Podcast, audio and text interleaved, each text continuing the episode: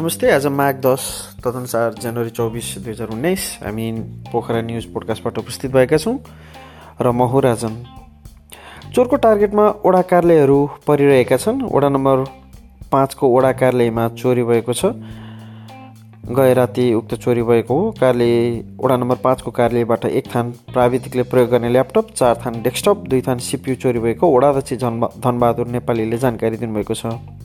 यसअगाडि वडा नम्बर बाह्र उन्तिस र चौध कार्यालयमा पनि चोरी भएको थियो। यसले गर्दा पोखरा महानगरपालिका तेत्तिस वडामा चोरी हुने हो कि भन्ने शङ्का उत्पन्न भएको उनले बताएका छन्। यो निकै दुःखद घटना हो उनले भने उनले भने यसले महानगरपालिकाका अरू वडाहरूमा पनि चोरी हुन्छ कि भन्ने शङ्का उत्पन्न गराएको छ। सामान्य चोरभन्दा पनि व्यावसायिक चोरहरूले नै यसमा संलग्न रहेको उनको भनाइ छ। चोरको फुटेज सिसिटिभी क्यामेराले कैद गरेको साथै पहिचान हुन मात्र बाँकी रहेको उनले सुनाए। चोरको फुटेज हामीसँग छ पहिचान हुन बाँकी छ।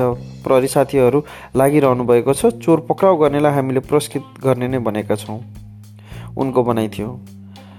सरकारी कार्यालयमा यसरी त्यो पनि स्थानीय तहको अथवा अथवा भनौँ स्थानीय सरकारकै वडा कार्यालयमा यसरी चोरी हुँदा पनि सरकारले केही गर्न सकिरहेको छैन। यस्तै गरी पोखरा महानगरपालिका वडा नम्बर तिन फुलबारी फुलबारी र सरी वडा नम्बर तिन नदीपुर र एघार फुलबारी जोड्ने पुलको निर्माण अन्तिम चरणमा पुगेको छ।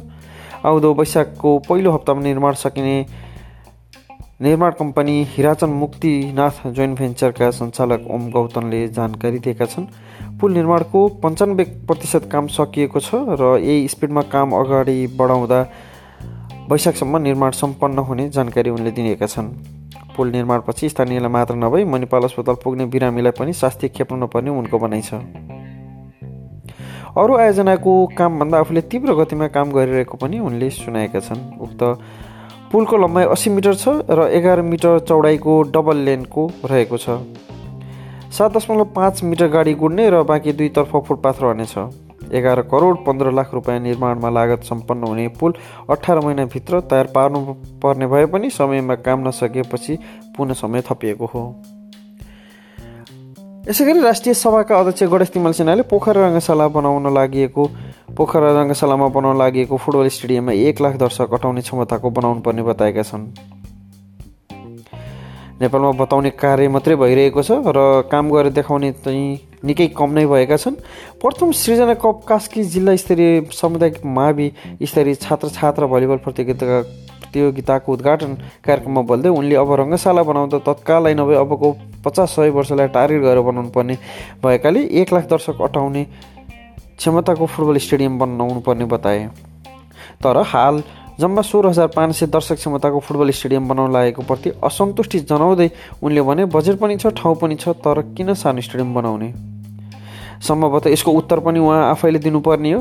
तर दुःखको कुरा उहाँले जवाफ केही पनि दिनुभएन। अझ प्रति प्रश्न मात्र राख्नुभयो।